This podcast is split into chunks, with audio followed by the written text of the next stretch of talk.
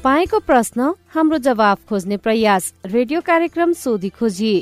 नमस्कार रेडियो कार्यक्रम सोधी खोजीमा तपाईँलाई स्वागत छ। म सजना तिमल सिन्हा। तपाई यो कार्यक्रम सामुदायिक रेडियो प्रसारक संघ अखुराबद्वारा संचालित सामुदायिक सूचना नेटवर्क सीआईएन मार्फत देशभरिका सामुदायिक रेडियोबाट सुनिरहनु भएको छ। साथै सीआईएन खबर डट कम र मोबाइल एप सीआईएनमा पनि यो कार्यक्रम सुन्न सकिन्छ। आम नागरिकमा लक्षित कल्याण र समुन्नतिका लागि प्रजातान्त्रिक पद्धति अपनाई कानून बमोजिम सञ्चालित कुशल पारदर्शी र जवाफदेही युक्त शासन प्रणालीलाई सुशासन भनिन्छ। सुशासनले विधिको शासनमा विश्वास गर्दछ। शासन सत्तामा रहेका व्यक्तिले देश र जनताको सेवकको रूपमा आफूलाई नबुझेसम्म सुशासनले मूर्त रूप लिन सक्दैन। अनि सुशासनमा सार्वजनिक सेवा प्रवाह गर्ने राज्य यसका निकाय र सिंह प्रशासन तन्त्रले देश र जनताको भलाइका लागि काम गर्न निस्वार्थ रूपमा छिटो एवं छरितो सेवा प्रवाह गर्नुपर्दछ। तपाईँले ती सेवा कसरी पाइरहनु भएको छ? तपाईँका सवाल र सेवालाई नागरिक मैत्री बनाउन केही प्रश्न तथा जिज्ञासाहरू छन्? तपाईँले सीआईएनमा पठाएका तिनै प्रश्न जिज्ञासाको हामी जवाब खोज्नेछौं। तपाईँले गरेको प्रश्न सवाल हो। सवालको जवाफ कसले दिन्छ? यी जम्मै सवालको प्रमुख जिम्मेवार को हो? हामी जिम्मेवार निकाय र व्यक्तिलाई सोध्ने मात्रै छैनौं त्यसको खोजी पनि गर्नेछौ। तपाईँको प्रश्नको उत्तर मात्रै खोज्ने छैनौं त्यसपछि त्यो सवाललाई टुङ्गोमा पुर्याउन के भइरहेको छ? त्यसको पनि सोधी खोजी गर्नेछौं। हाम्रो टेलिफोन नम्बर शून्य एक बान्न साठी छ चार छमा फोन गरेर रेकर्ड गर्नुहोस्। यो नम्बरमा तपाईँले जुनसुकै बेला फोन गरेर आफ्नो प्रश्न रेकर्ड गर्न सक्नुहुनेछ। तपाईँ प्रश्न राख्नुहोस् हामी जवाफ खोज्नेछौ।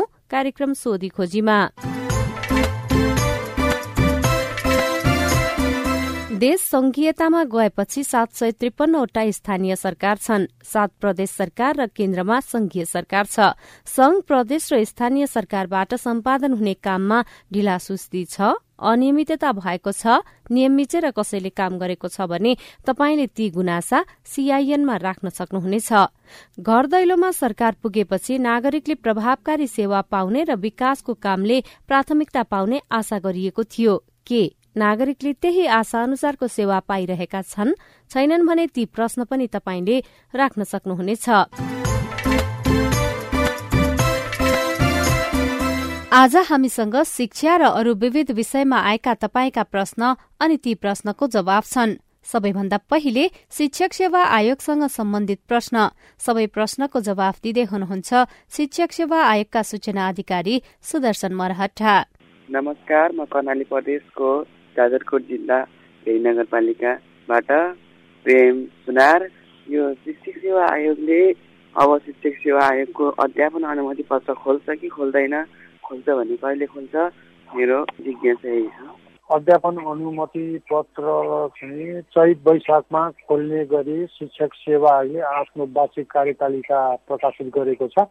सोही कार्यपालिका अनुसार आयोगले चाहिँ विज्ञापन चाहिँ अध्यापन अनुदान पत्रको चैत्र वैशाखमा खोल्नेछ भन्ने म तपाईँलाई जानकारी गराउँदैछु। हजुर नमस्ते। म बाजुरादेखि मनलाल थापा बोल्दैछु।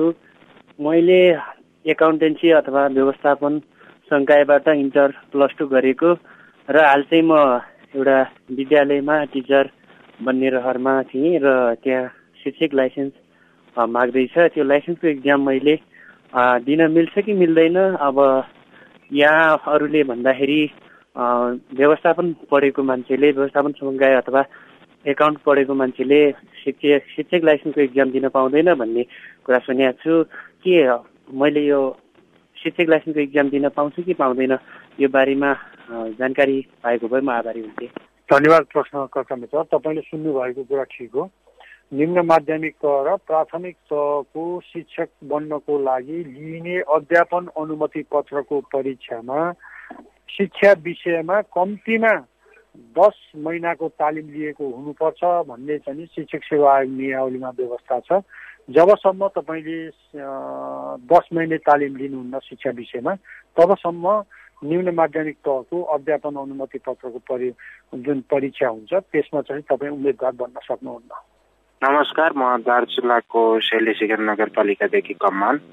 यो जुन शिक्षक सेवा आयोगले अध्यापन अनुमति पत्र निम्न माध्यमिक तहको अध्यापन अनुमति पत्र वितरण गर्ने कार्य जुन सुरु गरेको छ त्यो अध्यापन अनुमति पत्र लिन जाँदाखेरि यो शिक्षक सेवा आयोगले निकालेको विज्ञापनको आधारमा जाने कि अनुमति पत्र परीक्षा केन्द्र कायम भई परीक्षा सञ्चालन भएको जिल्लाको शिक्षा विकास तथा समन्वय एकाइको सूचनालाई पर्खने हो यसको बारेमा जानकारी पाउँ। प्रश्नकर्ता मित्रलाई धन्यवाद। शिक्षक सेवा आयोगले निम्न माध्यमिकको जुन अध्यापन अनुमति पत्रको परीक्षा लिँदाखेरि जुन जुन जिल्लामा चाहिँ परीक्षा लिएको थियो त्यही त्यही जिल्लाको शिक्षा विकास तथा समन्वय एकाइबाट अध्यापन अनुमति पत्र वितरण गर्ने गरी सूचना पनि प्रकाशित गरिएको र सबै जिल्लाहरूमा हाम्रा अध्यापन अनुमति पत्र पनि गइसकेको हुँदा तपाईँले सम्बन्धित जिल्ला जहाँबाट परीक्षा दिनुभएको छ त्यही जिल्लाको समन्वय एकाइमा गएर तपाईँले चाहिँ अध्यापन दिन सक्नुहुन्छ। नमस्ते म बाजुरादेखि मनलाल थापा। मैले व्यवस्थापन सङ्कायबाट प्लस टू गरेको अहिले मलाई प्रावि लेभलको शिक्षक लाइसेन्सको इक्जाम दिन मन छ एकदमै रहर लागेको छ। मैले त्यो शिक्षक लाइसेन्समा प्रावि तहको शिक्षक अध्यापन अनुमति पत्रको लागि लाइसेन्स इक्जाम दिन पाउँछु कि पाउँदैन यसबारे जानकारी गराइदिनुहोस् न। धन्यवाद प्रश्नकर्ता मित्र। शिक्षक सेवा नियावली दुई हजार सन्ताउन्नले गरेको कानुनी व्यवस्था अनुसार प्राथमिक र निम्न माध्यमिक तहमा तपाईँले माध्यमिक शिक्षा उत्तीर्ण परीक्षा कक्षा बाह्र वा सो सरको परीक्षा उत्तीर्ण गरी शिक्षा विषयमा कम्तीमा दस महिना तालिम लिएको हुनुपर्नेछ भनेर त्यहाँ तोकिएको छ। आवश्यक न्यूनतम एउटा। तपाईँले म्यानेजमेन्ट पढेको कारणले गर्दाखेरि तपाईँ उक्त चाहिँ लाइसेन्सको परीक्षामा सहभागी हुन सक्नुहुन्न। के गर्दाखेरि सहभागी हुन सक्ने अवस्था आउन सक्छ त्यो पनि भनिदिनुहोस् न। यदि तपाईँले जुन कि यो भनौँ माध्यमिक शिक्षा उत्तीर्ण परीक्षा कक्षा बाह्रमा व्यवस्थापन सङ्कायबाट पास गर्नु भएको छ। तपाईँले अब शिक्षा विषयमा कम्तीमा दस मिनट तालिम लिएपछि मात्रै तपाईँ चाहिँ अध्यापन अनुमति पत्रको परीक्षामा चाहिँ योग्य हुनुहुन्छ।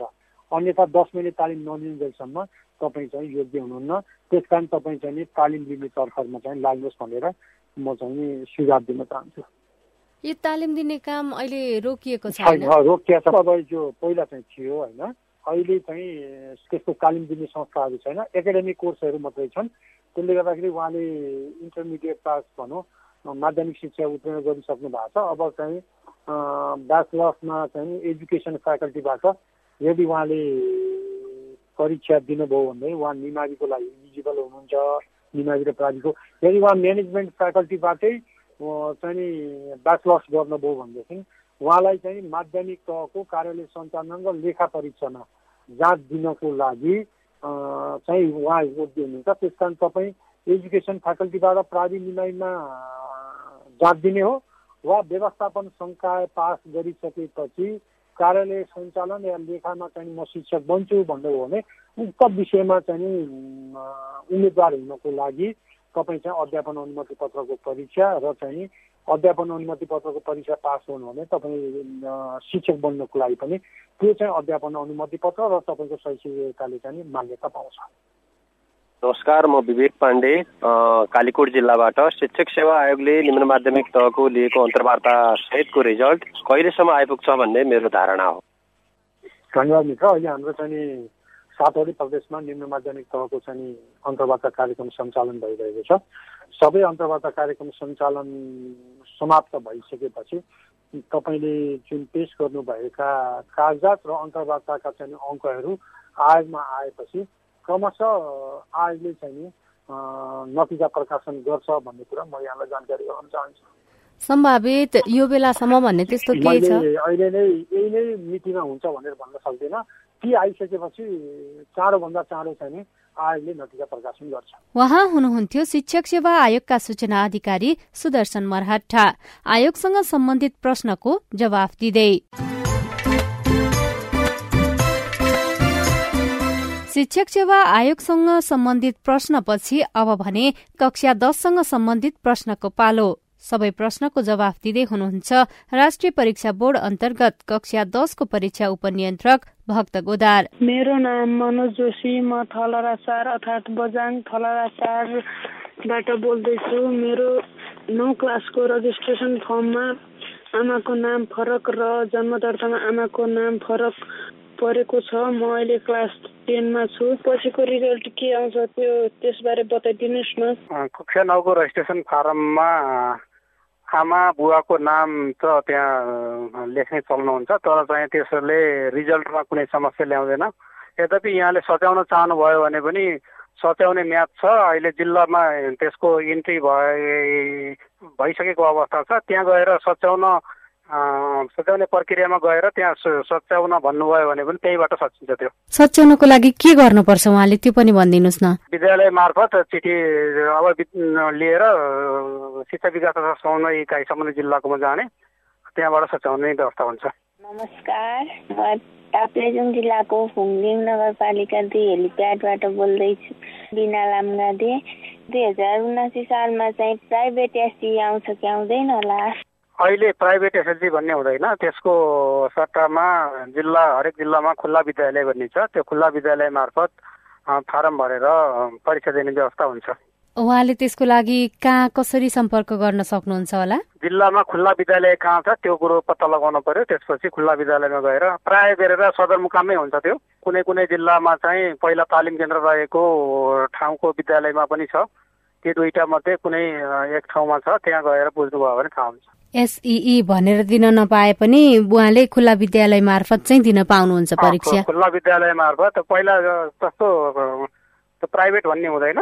तर नियमित रूपमा नपढेको परीक्षार्थीले पनि खुल्ला विद्यालय मार्फत परीक्षा दिन पाउने व्यवस्था हुन्छ। म बाजुराबाट टेकबहादुर रोगा मैले दुई हजार सतहत्तर सालमा एसई दिएको थिएँ। त्यति बेलाको एसईमा प्रवेश पत्रमा र आठ नौको मार्कसिटमा र जन्मदर्तामा मेरो जन्ममिति फरक पर्न गएको हुँदा यति दुई सालपछि अर्को मार्कसिट नयाँ मार्कसिट मैले पाउँछु कि नै र कहाँ बनाइन्छ यसको बारेमा जानकारी पाए आभारी हुने थिएँ। यदि यहाँले भरेको परिपत्रमा जन्ममिति ठिक छ र त्यो अनुसार ग्रेड सिटमा सच्याउन पर्यो भने यहाँ जहिले पनि सच्याउन सक्नुहुन्छ। यदि परिपत्रमा नै यहाँले गल्ती लेखेर ग्रेड सिटमा गलत आएको भने त्यो अहिलेलाई सच्याउने व्यवस्था छैन। त्यसको लागि त्यो दुईटा जन्ममिति एउटै भएको हो भन् एउटै व्यक्ति हो भन्ने एउटा जिल्ला प्रशासन कार्यालयबाट एउटा चिठी लिनुभयो भने त्यसले चाहिँ यहाँलाई अन्य ठाउँहरूमा पेस गर्ने ठाउँहरूमा काम गर्छ। बाजुरा जिल्ला बुढीगङ्गा नगरपालिका वडा नम्बर दस भगवती माईबाट नियमिततर्फ दुई हजार अठहत्तर सालको नियमिततर्फबाट इक्जाम एसिएको इक्जाम दिएको। मा अर्थशास्त्र भर्दाखेरि पपुलेसन आयो पपुलेसन पनि फेरि सप्लिमेन्टरीमा पपुलेसन भर्दा फेरि अप्सेन्ट आयो। यसको विकल्प के होला हजुर? यसको लागि यहाँले त्यो सकल ग्रेड सिट र ग्रेड सिट प्रमाणपत्र र प्रवेश पत्रको सकल यहाँ आएर पनिकामा पेस गर्नुभयो भने त्यसको सट्टा हामीले हेरेर फेरि विषय सच्याएर नयाँ ग्रेड सिट दिने व्यवस्था गर्छौँ। उहाँ हुनुहुन्थ्यो राष्ट्रिय परीक्षा बोर्ड अन्तर्गत कक्षा दसको परीक्षा उपनियन्त्रक भक्त गोदार। तपाई अहिले कार्यक्रम सोधी खोजी सुनिरहनु भएको छ। यो कार्यक्रम सामुदायिक रेडियो प्रसारक संघ अकुराबद्वारा संचालित सामुदायिक सूचना नेटवर्क सीआईएन मार्फत देशभरिका सामुदायिक रेडियोसँगै सीआईएन खबर डट कम र मोबाइल एप सीआईएनमा पनि सुन्न सकिन्छ। कार्यक्रममा हामी तपाईँको प्रश्न लिन्छौं अनि ती प्रश्नको जवाब सम्बन्धित निकायलाई सोध्छौं। तपाई पनि कार्यक्रममा सहभागी हुन सक्नुहुनेछ।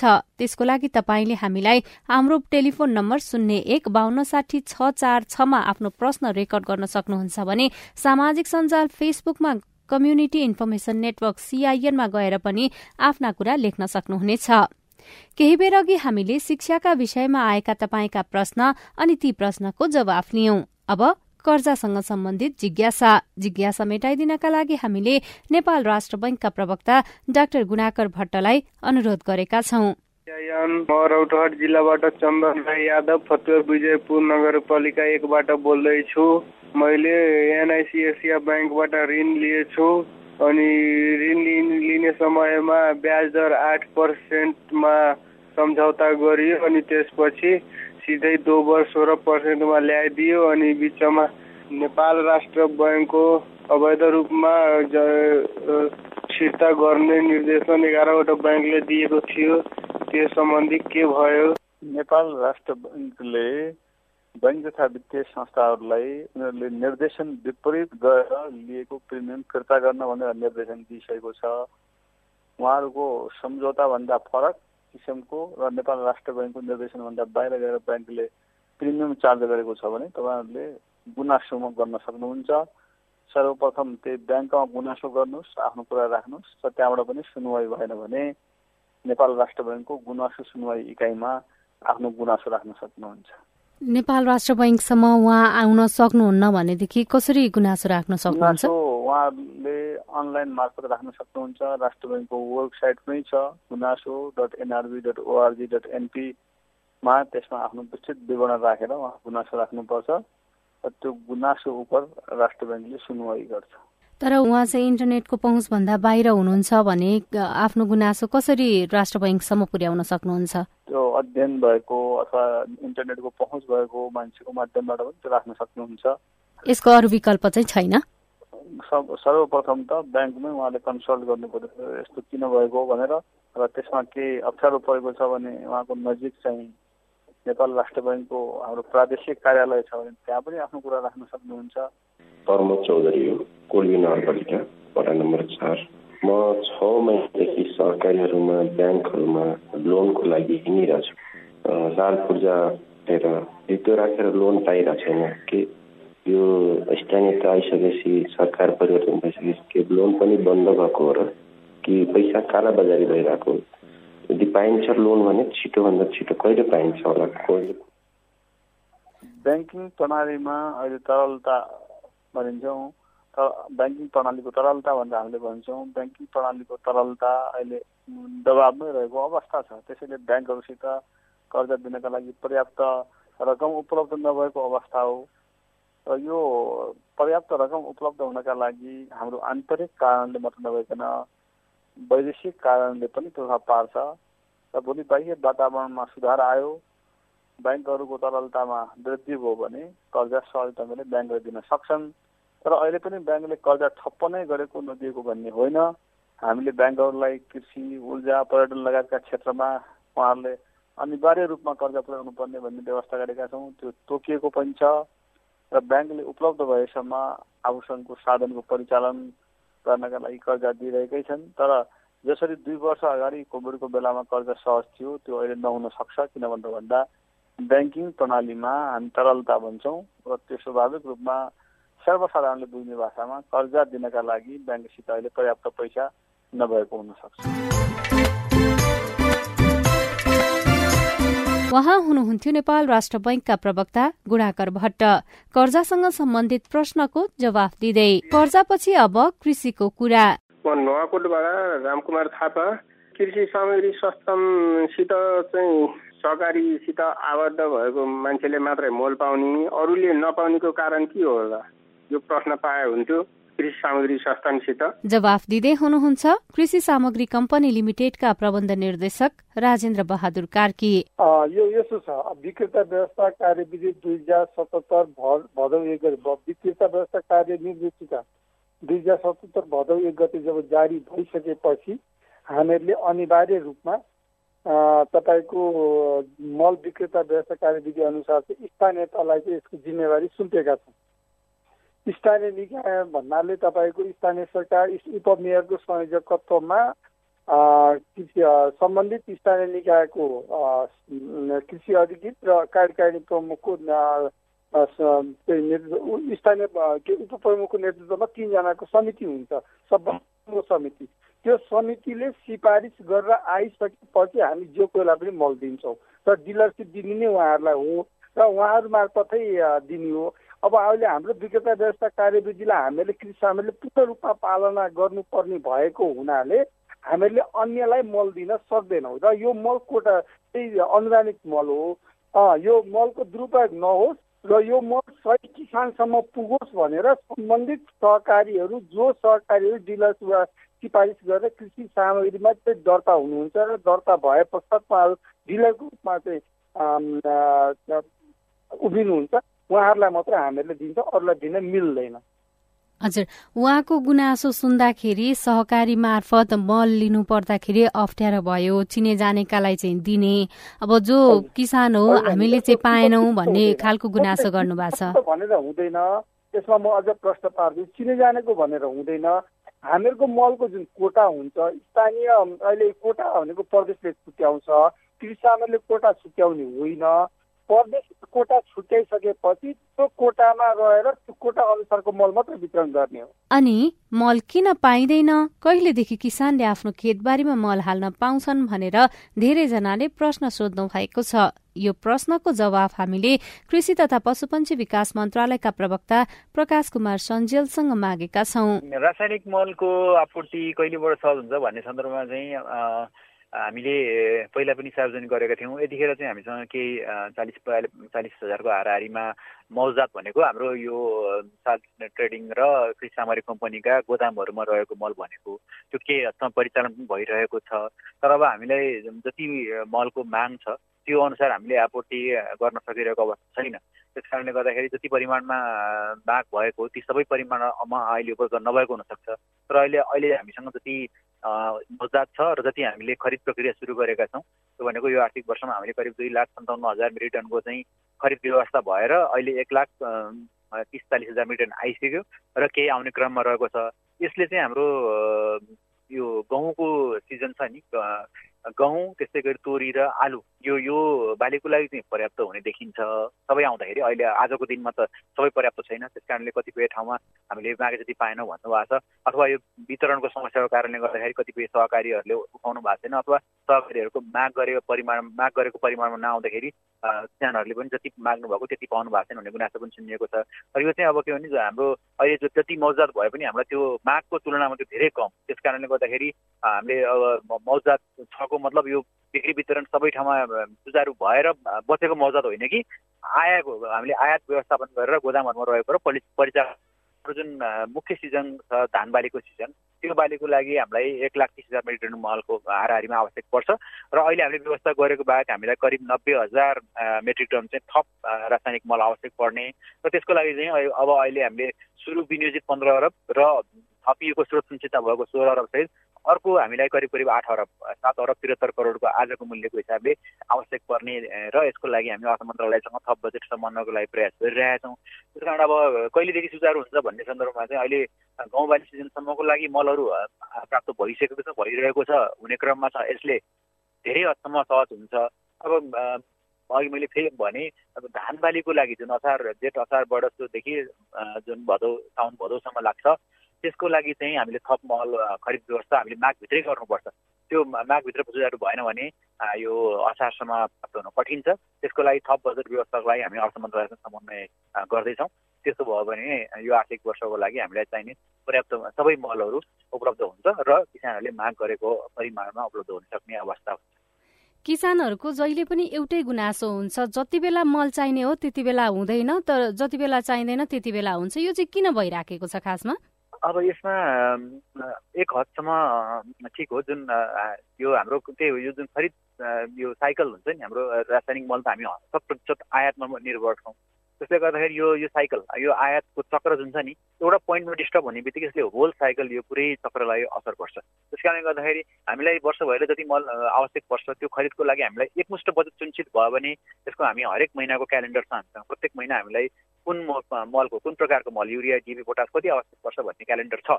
त्यो अनुसार हामीलाई खरिद प्रक्रियाहरू हामी सेड्युलमा सुरु गर्न सक्छौँ तर हामीलाई के छ भने सुरुमा पन्ध्र अरब भयो त्यो पन्ध्र अरबले जति हामी म्यानेज गर्न सक्यौँ त्यति मात्रै गऱ्यौँ। त्यसपछि अर्को स्रोत सञ्चार लिनुपर्छ। त्यो बिचमा हाम्रो टाइम ल्याप्सेसहरू भएको हुन्छ। त्यसले गर्दाखेरि अनि त्यसै बिचमा चाहिँ कहिलेकाहीँ मूल्य वृद्धि र विभिन्न कारणले गर्दाखेरि हाम्रो जुन टेन्डर लगाइएको हुन्छ त्यसमा चाहिँ आपूर्तिकर्ताहरूले समयमा ल्याइदिनुहुन्न त्यसमा चाहिँ त्यो साइकल ब्रेक हुने बित्तिकै हाम्रो त होइन यो बालीको त हाम्रो निश्चित सिजन छ। त्यो सिजन स्केप भन्ने जस्तो समस्याहरू देखेको छ। कारण स्रोत सुनिश्चितता हाम्रो एउटा भइदियो भने यसले चाहिँ हामीलाई वर्षभरिको लागि आवश्यक पर्ने मल खरिद योजना अनुसार अगाडि अहिले किसानहरूले गुनासो गर्नुभएको र समयमै कि पाइएन भन्ने कुराहरूको पनि यसैसँग जोडिएको छ। हामीलाई वर्षभरिलाई चाहिने परिमाण धेरै छ। हामीले हामीलाई विनियोजित बजेट बजेटबाट व्यवस्थापन गर्न सकेको त्यो पर्याप्त छैन। साठी प्रतिशतको हाराहारीमा मात्रै अहिले साठी सत्तरी प्रतिशतको हाराहारीमा मात्रै व्यवस्था गर्न सकिरहेका छौँ। र त्यसमा पनि अन्य विभिन्न यो आर्थिक स्रोत व्यवस्थापन खरिद प्रक्रिया लगायतको व्यवस्थापनले गर्दाखेरि मैले अघि भने जस्तो त्यो खरिद साइकल अथवा व्यवस्थापन साइकल ब्रेक हुन्छ। त्यसले गर्दाखेरि यो सिजन अलिकति स्केप हुने जस्तो अवस्थाहरू आइरहेको छ। अब यसको लागि चाहिँ मन्त्रालयले स्रोत सुनिश्चितता र अन्य वैकल्पिक उपायहरूको लागि पनि प्रयास गरिरहेको उहाँ हुनुहुन्थ्यो कृषि तथा पशुपन्छी विकास मन्त्रालयका प्रवक्ता प्रकाश कुमार सञ्जेल यो यो सँगै हामी कार्यक्रमको अन्त्यमा आइपुगेका छौं। तपाईँका प्रश्नहरूको जवाफ खोज्दा खोज्दै रेडियो कार्यक्रम सोधी खोजीको आजको अंकको समय सकिने लागेको हो। तपाईँलाई यो कार्यक्रम कस्तो लाग्यो? नागरिकले प्राप्त गर्ने सेवा र विकास निर्माणको कामलाई गुणस्तरीय र प्रभावकारी बनाउन के गर्नु पर्ला? तपाईँका केही सुझाव र टिप्पणी छन् भने हाम्रो टेलिफोन नम्बर शून्य एक बान्न साठी छ चार छमा फोन गरेर रेकर्ड गर्न सक्नुहुनेछ। यो नम्बरमा तपाईँले जुनसुकै बेला फोन गरेर आफ्नो प्रश्न रेकर्ड गर्न सक्नुहुनेछ। तपाई प्रश्न राख्नुहोस् हामी जवाफ खोज्नेछौ।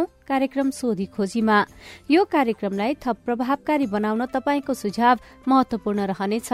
हेलो सीआईएनमा हरेक दिन र रेडियो कार्यक्रम मार्फत अर्को हप्ता तपाईँका प्रश्नको जवाफ खोज्दै आइपुग्नेछौ। आजका लागि प्राविधिक साथी सुनिल राज भारतलाई धन्यवाद। अहिलेको रेडियो कार्यक्रम सोधी खोजीबाट सजना तिमल सिना विदा हुन्छु। प्रश्न सोध्न अप्ठ्यारो नमानौ। नमस्कार।